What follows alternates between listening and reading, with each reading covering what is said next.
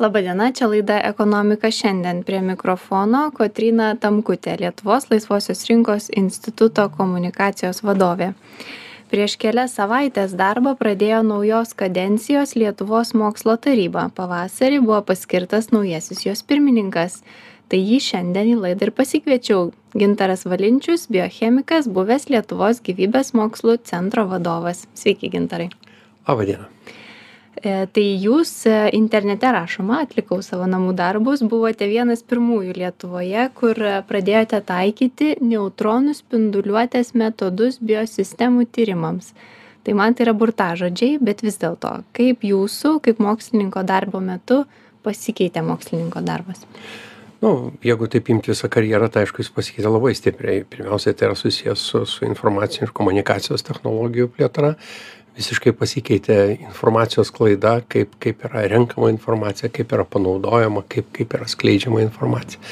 Prieš kokius dvidešim trisdešim nu dvidešim gal ne bet trisdešim metų labai buvo sunku įsivaizduot kad nu informaciją pačią operatyviausią informaciją apie apie paskutinius mokslo pasiekimus gali gauti iš esmės penkiolikos dvidešim minučių paiešką atlikdamas sakykim atitinkamose duomenų bazėj dabar tas yra realybė taigi mokslininkams labai daug yra sutaupo laiko renkant informaciją bet aišku daugiau laiko tenka skirti apdorojant tą informaciją atrenkant tai kas yra iš tikrųjų vertingo tai kas nėra vertinga neutronų instrumentai tai yra priklauso tai instrumentų kategorijai kurie yra didieji instrumentai didieji mokslinių tyrimų instrumentai ir jais paprastai mokslininkai naudojasi. Tokių instrumentų lietuvoj nėra todėl lietuvos mokslininkų kurie dirba su neutronų spinduliuote grįstais metodais jie turi važiuoti į kitas šalis kitos šalys maloniai suteikia prieigą yra įvairių schemų paramos kaip gauti prieigą prie tokių instrumentų o mūsų mokslininkai tikrai turi galimybę pasinaudoti ir pačiais brangiausiais pasauliniais instrumentais ko vėlgi atsakant į jūsų klausimą kas yra didžiulis pokytis lyginant su trisdešim keturiasdešim metų atgal kai kai faktiškai tokie instrumentai buvo prieinami tik elitiniams sakykim e, mokslininkų ratams e, izoliuotose atskirose valstybėse ir tos kelionės turbūt mokslininkam lengvesnės pasidarė, ar ne? Jūs irgi turit nemažai patirties užsienio universitetuose, taip, šiandien taip. tą padaryti lengviau? Jo, dabar faktiškai lengviau, Europoje tai tikrai labai viskas lengva yra, kelionės, aišku, sakykime, tokia šalis kaip Junktinės valstijas arba tolimųjų rytų šalis yra šiek tiek uh, nu brangesnės sakykim taip aišku. Jungtinės valstijos labai plačiai atveria savo duris trumpalaikiams vizitams tai yra bevizė programa galioja bet net ir ir ir ilgalaikiam vizitui sakykim ilgesniam negu ten pusės metų metų trukmės vizitams labai nesudėtinga gauti tinkamas vizas ir ir atvykti dirbti jungtinių amerikos valstijų ir kitų panašių valstybių šiaurės amerikos valstybių laboratorijas. Ar tų šalių mokslininkai atvyksta į lietuvą taip tikrai taip. Mainai trumpalaikiai mainai tai yra įprasta praktika. Daugybė daugybė vizitų daugybė kelionių lietuvos mokslo taryba savo laiku remdavo ir dabar turi vadinasi priemones kuriomis gali paremti tokių mokslininkų atvykimą. Tai yra apmokėjimą jų keliones viešbučius žodžiu padengt kai kurias pragyvenimo išlaidas čia lietuvoj mūsų mokslininkai irgi noriai naudojasi pačiom įvairiausiom schemom. Europinės schemos tai yra gerai žinomos tai yra erasmus programa. Gali būt dvišaliai mainai gali būti atskirų sakykim bendrų tyrimo grupių vadinasi bendrų projektų lėšos kurios yra labai labai naudojamos būtent mobilumui mobilumui akademiniam mobilumui. Ir tai yra dar gerai galiu pasakyti kad kad jauniems mokslininkams dabar nu beprecedentinio lygio vadinasi galimybės atsiveria pačios įvairiausios tiek per mokslo lietuvos mokslo tarybos priemones tiek per tarptautinių fondų priemones nuvykti ir atlikti tyrimus bet kokioj europos valstybėje dabar yra lengva kaip niekad vadinasi tiktai tiktai reikia naudotis tik domėtis žiūrėti galimybes ir tas galimybes išnaudot iš tikrųjų tai jeigu sakykim kai aš vykau į jungtines valstijas devyniasdešim aštuntais metais tai buvo tikrai gana sunku gauti tokią sakykim finansinę paramą tokią rimtą finansinę paramą tai dabar kaip tik sunku rasti norinčių kiek ilgiau išvažiuoti ir padirbėti sakykim geriausiose pasaulio laboratorijose nes žmonės paprastai jau būna įaugę į savo vietą suformavę šeimas vadinasi turi neblogus ne neblogas galimybes aišku yra labai lietuvoj dabar žymiai geresnės aišku negu negu trisdešim metų atgal. Tai tai vat trumpas atsakymas į klausimą taip tikrai dabar vadinasi galimybės keliauti dirbti ir ir keistis idėjomis keistis patirtim yra tikrai labai labai didelės tik noro reikia ar ne Tik noro. E, tai pradėjau laidą nuo to, kad e, atsinaujino Lietuvos mokslo taryba ir, ir jūs e, neseniai tapote jos pirmininku. Su kokiais tikslais, lūkesčiais, norais įžengėte į šitą poziciją ir kaip, kaip, kaip matote savo darbą? Nu, mokslo taryba, aišku, yra pagrindinis mokslinio tyrinėjimų, konkursinių mokslinio tyrinėjimų pagrindinė įstaiga Lietuvoje, tai yra valstybės įstaiga žodžiu jinai yra tikrai turi dabar pakankamai solidų, būtent Seimo ir vyriausybės e, pastangų dėka, turi solidų finansavimą. Tai nėra dar, sakykime, toksai, kuris galėtų nustebinti mūsų kaimynus, kokius Estus ar Latvius. Žodžiu, bet tai yra tikrai tai yra solidus finansavimas, siekiantis e, konkursinės priemonės dabar siekia 102 milijonus, bendras biudžetas 50 milijonų eurų. Tai tai čia be struktūrinės paramos tai yra be europinių lėšų čia nacionalinės lėšos tiktai ir jos visai neseniai padidėjo ar ne? Jo jos padidėjo iš iš tikrųjų šuolis nuo aštuoniolikos milijonų iki iki kešim dviejų konkursinio finansavimo tai įvyko per pastaruosius e, du metus iš esmės šitos vyriausybės iš to seimo kadencijos metu. Ir tikrai čia čia galima tiktai padėkoti kad politikai tikrai rado tos politinės valios ir pasiryžimo ir supratimo kad tikrai tai yra sritis labai svarbi sritis į kurią reikia investuoti lietuvoje ir konkursiniai tyrimai skiriasi nuo sakykim tų įprastinių tokių tyrimų. Yra tai kad kad e, mokslo taryba kaip kaip ekspertinė įstaiga turi galimybę ir siekia atrinkt pačius geriausius pačius geriausius tyrimus kurie a trumpesnėj ar ilgesnėj laiko atkarpoj duotų didžiausią pridėtinę vertę lietuvos gyventojams tai yra tiek tiek per technologijų plėtrą bet taip pat ir per socialines inovacijas kultūrines inovacijas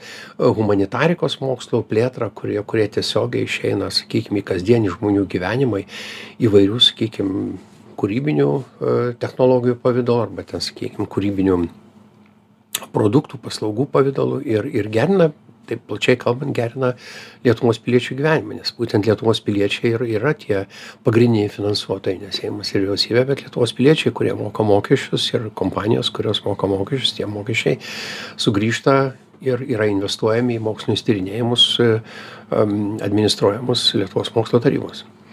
E, Kadangi mokslo taryba finansuoja tam tikrus e, mokslo tyrimus, man natūraliai kilo klausimas, nežinau, ar jis tikslus, E, koks yra tada valstybės užsakymas tiems moksliniams tyrimams? Jūs minit, kad e, tie tyrimai, kurie kuria didžiausią pridėtinę vertę.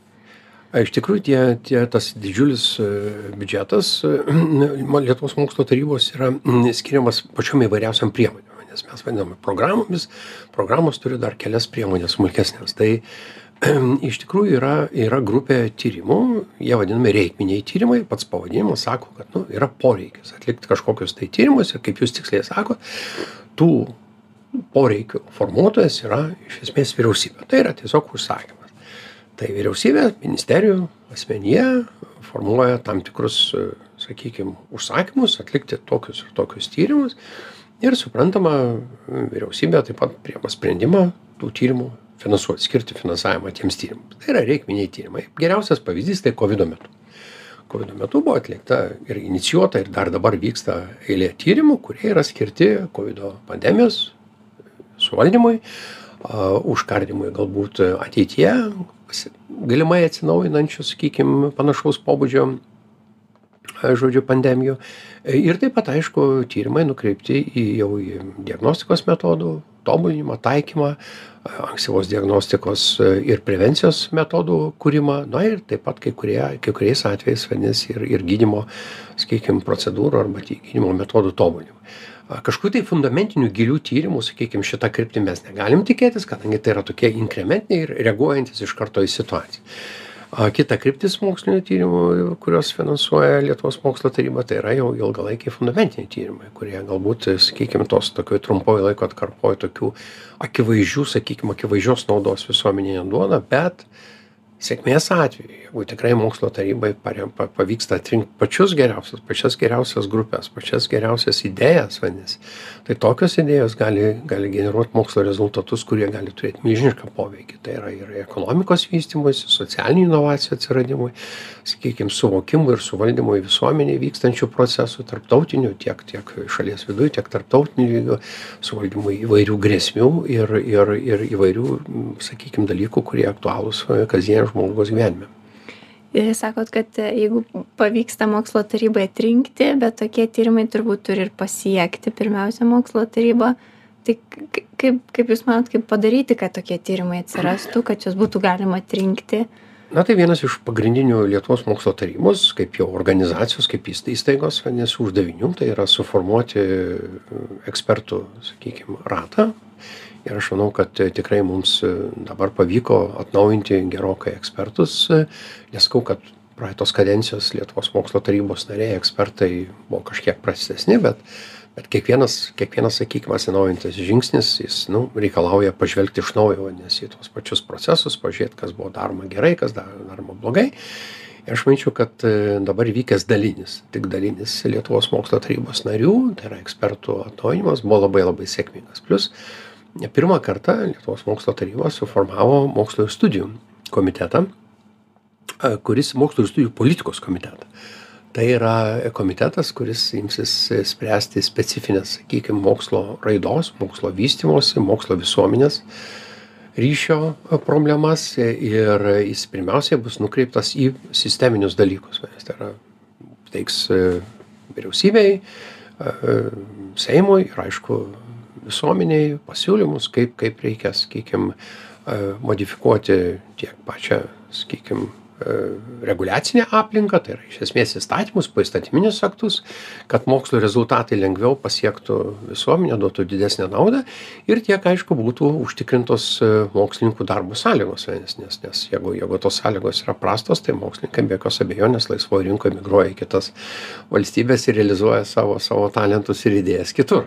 Nes tai aišku lietuva kaip ir visos kitos valstybės veikia didelės labai konkurencijos aplinkoj. Ne tik dėl pinigų nes dažnai tai įsivaizduoja ignoruojamas tiktai vienas aspektas kad pinigai. Bet taip pat didelės konkurencijos sąlygom dėl talentų.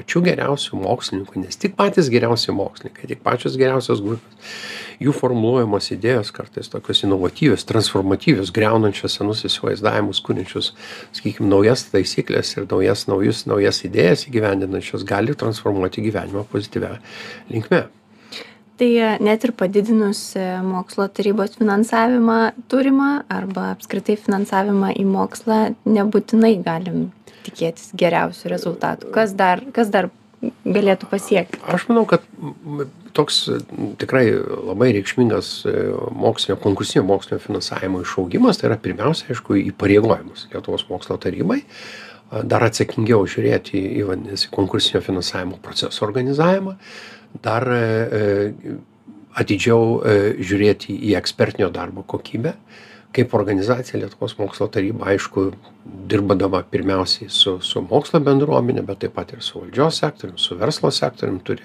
labai atsakingai žiūrėti savo darbo rezultatus periodiškai juos vertint pasitikrinti ar tikrai einama teisingu keliu ar naudojami tie metodai kurie yra sakykim naudojami kitų šiuolaikinių pažengusių valstybių mokslinių tyrimų tarybų darbe ir be jokios abejonės aišku tie nauji pinigai dideli pinigai atveria naujas galimybes tai aš sakyčiau kad šitie du aspektai mūsų veiklos yra pagrindiniai mano kaip pirmininko veiklos orientyrai pagal kuriuos aš manau vadinasi ir toliau mes mes mes vystysim lietuvos mokslo tarybos veiklą kaip pagrindines mokslinius tyrimus konkursinį finansavimą organizuoja vykdančią organizaciją.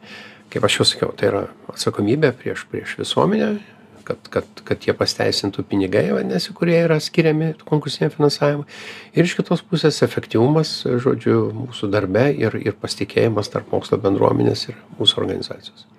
Negaliu nepaklausti tai kada turėsim nobelio premiją matot tai aš neįeinu į nobelio premijos komitetą ir ir ir niekas negali tikriausiai atsakyti į šitą mhm. klausimą bet yra tiktai vienas e, paprastas dalykas pirmas dalykas nu lietuva yra labai arti nobelio premijos jinai jinai buvo arti tai yra virginijaus šikšnio grupės e, kavli kavli premija tai yra iš esmės tokia pati nobelio premija jinai galbūt turi sakykim kol kas silpnesnį jeigu taip sąlyginai pavadint prekinį ženklą ane nobelio premija vis tiek jau virš šimto metų kablio premija yra jaunesnė tai tai yra to paties milijono vertės jeigu taip jau merkantiliškai žiūrint premija bet bet svarbiausia kad tai yra iš tikrųjų didžiulis pripažinimas mokslinių tyrinėjimų rezultatų kurie pasiekti čia lietuvoje.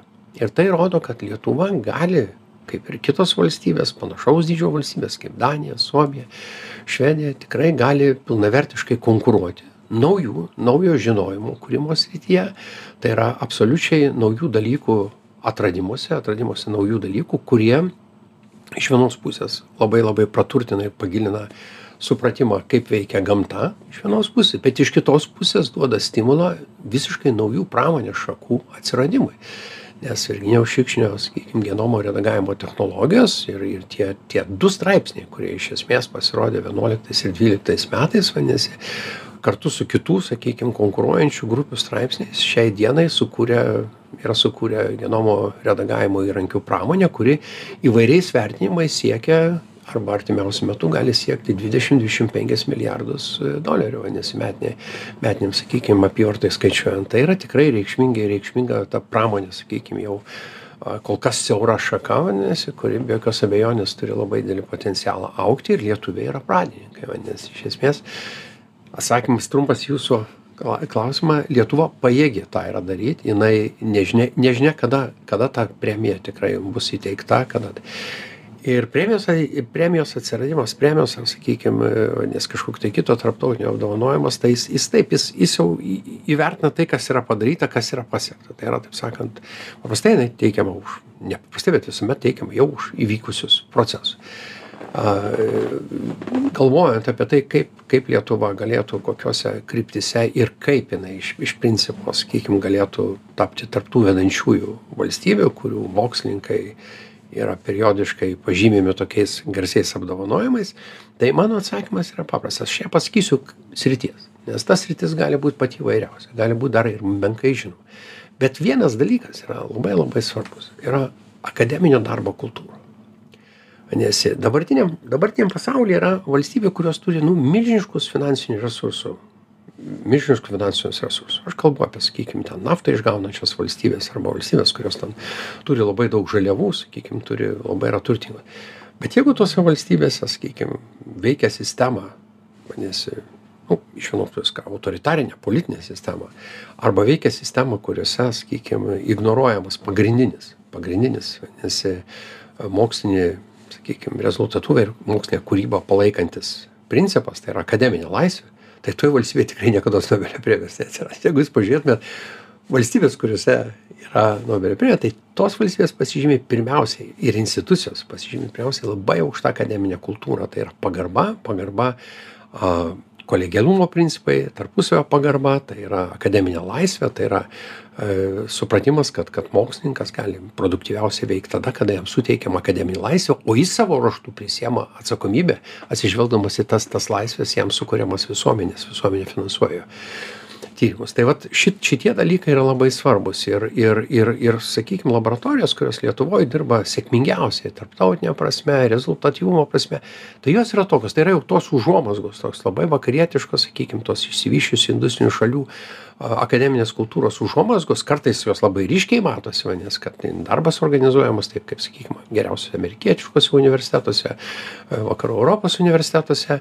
Iš kitos pusės kartais ten tas ryškiai taip nesimato bet akivaizdu kad pavyzdžiui lyderis ten vienos ar kitos grupės yra atvykęs iš kitos valstybės arba baigęs mokslus vadinasi atsiveža tas tradicijas čia ir jis tas introdukuoja vadinasi tos labai aukštos akademinės kultūros vadinasi tą modus operandi vadinasi į į tas vietos vietos vietos vietos grupes taip to labai didelė atsakomybė čia tenka ir vadovams administratoriams tai įvairiems sakykim įvairaus lygio tai nuo rektorių dekanų katedrų vedėjų nes nes jie yra tie žmonės kurie gali vadinasi užtikrinti tą jeigu kokio nors fakulteto dekanas įsivaizduoja kad jis yra kažkoks tai nu šeichas vadinasi kuris ten gali kaip nori ten stumdyti ten tuos moksliukus tai tai tokiam fakultete tikrai niekados neatsiras grupės kuriose kaip sakant vadinasi bus bus nobelio premijos laureatų. Jeigu bus dekanas kuris arba ten rektorius arba sakykim kaip kito lygio vadovas kuris kuris galbūt kaip sukurt tas sąlygas kaip sukurt tą tarpusavio pagarbos atmosferą pagarbos vienas kitam pagarbos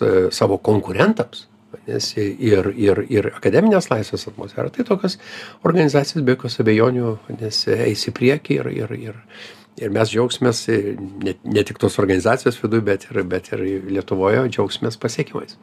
Tai girdžiu iš jūsų kad tuo keliu einam bet problemų dar turim ar ne? Kai kai kuriose galbūt ar srityse ar a tai problemos yra įvairios ir kaip aš jau sakiau yra tos institucijos lietuvos labai įvairios ir ir vis tiek yra ir tradicijos ir patirtys vienose institucijose labai yra daug sakykim vadinasi garsių užsienio garsių aukštųjų mokyklų universitetų alumnai kai kuriuose kai kuriais atvejais tie alumnai yra pasiekę ir ir administracinio sakykim lygio tampa vadovais vadinasi įvairaus administracinio patys organizuoja tą mokslinį tyrimą studijas organizuoja tai tai tas labai ryškiai matosi vadinasi. Bet aišku kai kuriose institucijos jos dar sunkiai yra sakykim atsigavusios nuo sovietinio laikotarpio ir daug sakykim tų tradicijų ir ir ir papročių ir įpročių tęsiasi vadinasi kas iš esmės stabdo.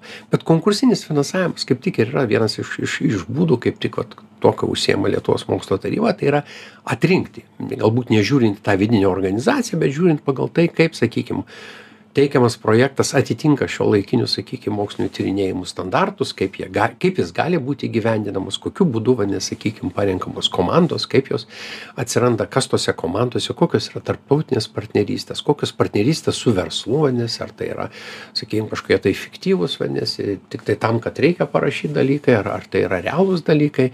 Ir ir mokslo tarybos aišku užduotis yra atrinkti ekspertus kurie galėtų tuos dalykus įžvelgti ir atrinkt pačius geriausius projektus pačius perspektyviausius efektyviausių.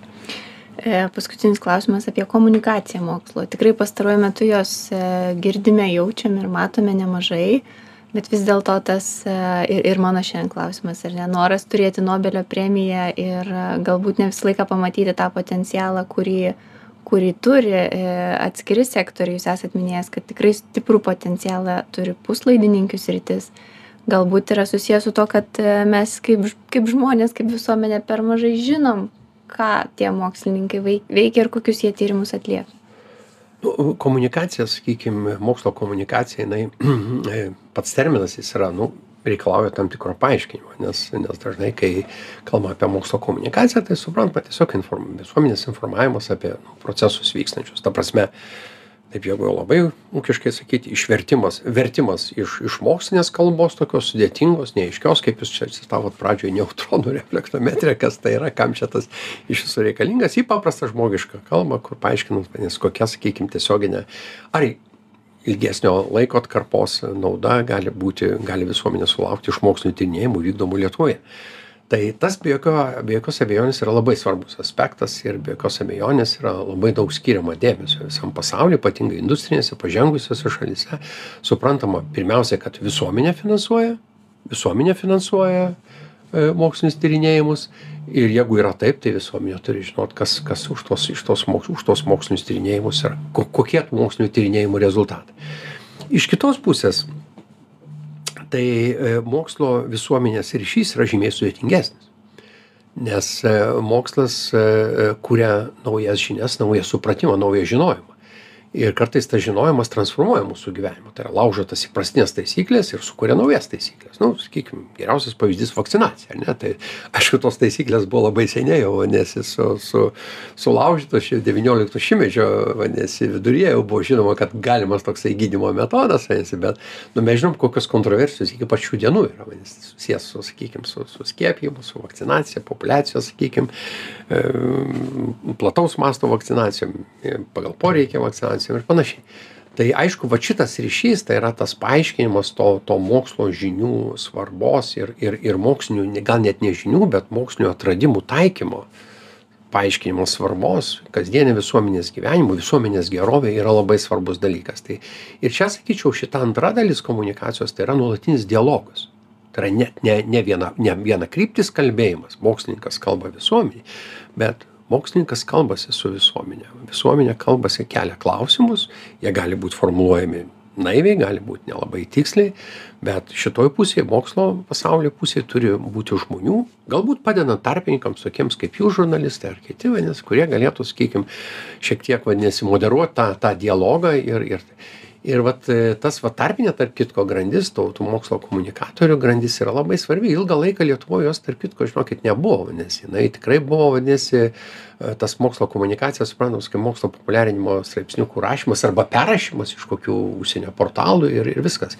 Bet dabar iš tikrųjų atsiranda yra tikrai nemažai vadinasi mokslo komunikacija besispecializuojančių jaunų žmonių ir ir ir ir labai džiugu kad yra ir mokslo pačiam pasaulyje norinčių mokslininkų dalyvaut tokiam dialoge ir ir tas yra labai svarbu. Sakyčiau kad šiuolaikinės valstybės vienas iš tokių skiriamųjų bruožų tai yra geras dialogas geras sveikas be pykčio vadinasi argumentuotas dialogas tarp visuomenės ir mokslininkų iš vienos pusės atsakant į klausimą ką mokslininkai gali duot visuomenei iš kitos pusės paaiškinant visuomenei ir įtikinant visuomenę kad mokslo žinojimo diegimas į į sakykim įvairias mūsų gyvenimo sritis duoda mums naudą duoda mums geresnį gyvenimą duoda sveikesnį gyvenimą kultūriškai turtingesnį gyvenimą ir nu daro mūsų gyvenimą geresniu Taip, tikrai taip. Ačiū Jums. Labai greitai praėjo mūsų laikas apie mokslo komunikaciją, apie e, mokslo tarybos naują sudėtį ir jos tikslus ir lūkesčius. Šiandien kalbėjausi su Gintaru Valinčiumi, Lietuvos mokslo tarybos pirmininku. Klausytojus kviečiu likti kartu, netrukus rubrika Stebime valdžią.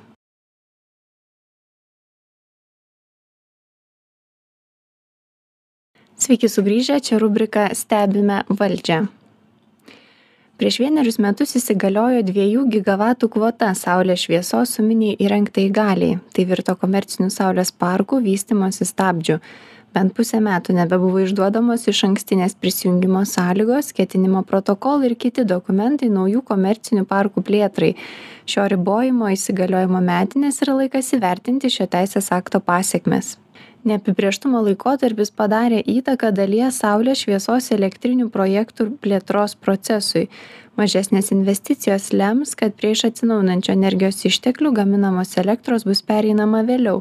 Taigi ir lėčiau bus judama link žemesnės vidutinės kainos lietuvos elektros energijos vartotojams du tūkstančiai dvidešim antrais metais aukštos elektros energijos kainos trumpino investicijų į atsinaujinančią energetiką atsiperkamumą. Būtent tuo laikotarpiu stabdyta naujų komercinių parkų plėtra galėjo kainuoti lietuvai praleistą momentą po kurio norinčių investuoti gali mažėti. Saulės šviesos energetikos plėtros svarba buvo galima įsitikinti du tūkstančiai dvidešim antrųjų vasarą tuomet didelis vartojimas ir dėl ekstremaliai karštų orų sumažėjusi elektros generacija prisidėjo prie aukštų kainų europoje. Daugiau saulės šviesos elektros generacijos leistų išvengti panašių kainų šuolių šiltuoju metų laiku kai kitų rūšių energetikos gamyba yra ribota. Todėl bet kokie trukdžiai saulės šviesos energetikos plėtrą tik apsunkina panašių ribojimų generacijai iš saulės elektrinių tikėtina reikėtų dar mažiau jeigu didesnis dėmesys būtų skiriamas elektros realizacijos pusei tiksliai prognozuojant elektros vartojimo augimą didinant kaupimo ir eksporto galimybes augantis elektros poreikis sudarys sąlygas ir didesnės generacijos lietuvoje galimybes galiausiai dviejų gigavatų kvotos įvedimo istorija atkreipia dėmesį į ydingą lietuvos teisėkūros procesų tvarką ir netinkamą pasiruošimą teisės akto priėmimui. Šis atsinaujinančių išteklių įstatymo pataisų priėmimas iliustruoja kad poveikio vertinimui buvo skirta per mažai dėmesio kaip tai būdinga daugelio įstatymų priėmimui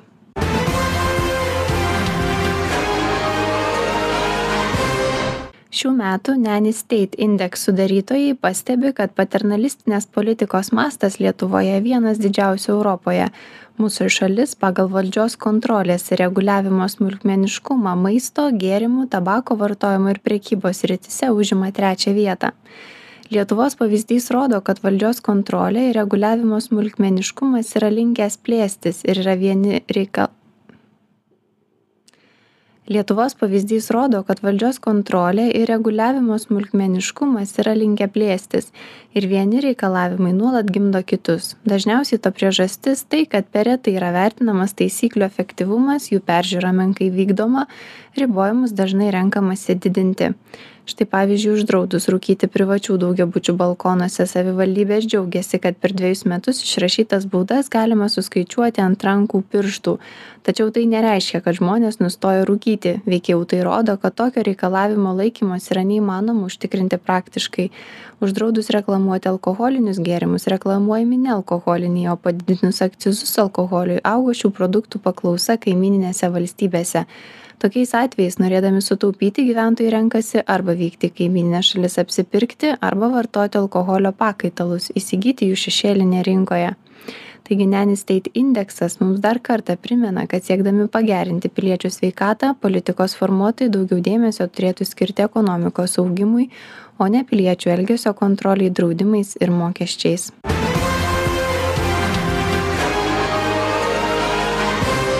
grupė seimo narių rudenį siūlys kad nuo du tūkstančiai dvidešim penktų metų reikėtų perdirbti visas plastiko pakuotes ko dabar nėra reikalaujama lietuvos laisvosios rinkos institutas pabrėžia kad siūlomi mokesčių už aplinkos teršimą įstatymo pakeitimai yra nepagrįstos perteklinės naštos kūrimas perkeliant europos sąjungos teisę.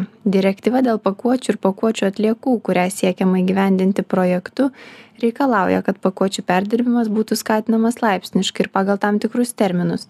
Ji taip pat numato kad negali būti sudaromos kliūtys konkurencijai ir prekybai projektu siūloma atsisakyti laipsniško perėjimo ir reikalaujama visas pakuočių atliekas perdirbti jau nuo du tūkstančiai dvidešim penktųjų. Toks reglamentavimas griežtesnis nei numato direktyva. Be to lietuvos respublikos atliekų tvarkymo įstatymas jau dabar dera su direktyvos nuostatomis. Jame numatyta kad iki du tūkstančiai trisdešimtųjų pabaigos bent septyniasdešim procentų visų pakuočių būtų perdirbamos nebūtinų nuostatų perkėlimas į nacionalinę teisę sukels neigiamus padarinius tiek visuomenei tiek valstybės ekonomikai. Nauji reikalavimai paliestų mėsos perdirbėjus pieno produktų gamintojus ir kitas įmones kurios savo produkciją pakuoja į plastiką. Griežtesnių negu kitose valstybėse reikalavimų numatymas mažina lietuvos konkurencingumą. Vietos gyventojai gali būti paskatinti daugiau savo produkcijos eksportuoti į kitas valstybes kur siūlomo reikalavimo nėra analogiškai ir užsienio eksportuotojai nebus linkę prekiauti lietuvoje kur taikomi griežtesni reikalavimai pakuotėms. Be to didės ir gamintojų kaštai pavyzdžiui keičiant pakuočių dizainą ir medžiagiškumą. O dėl to už naujų reikalavimų įgyvendinimą susimokės ne kas kitas o lietuvos vartotojai. Čia buvo rubrika stebime valdžią. Dėkoju už dėmesį ir likite su žinių radiju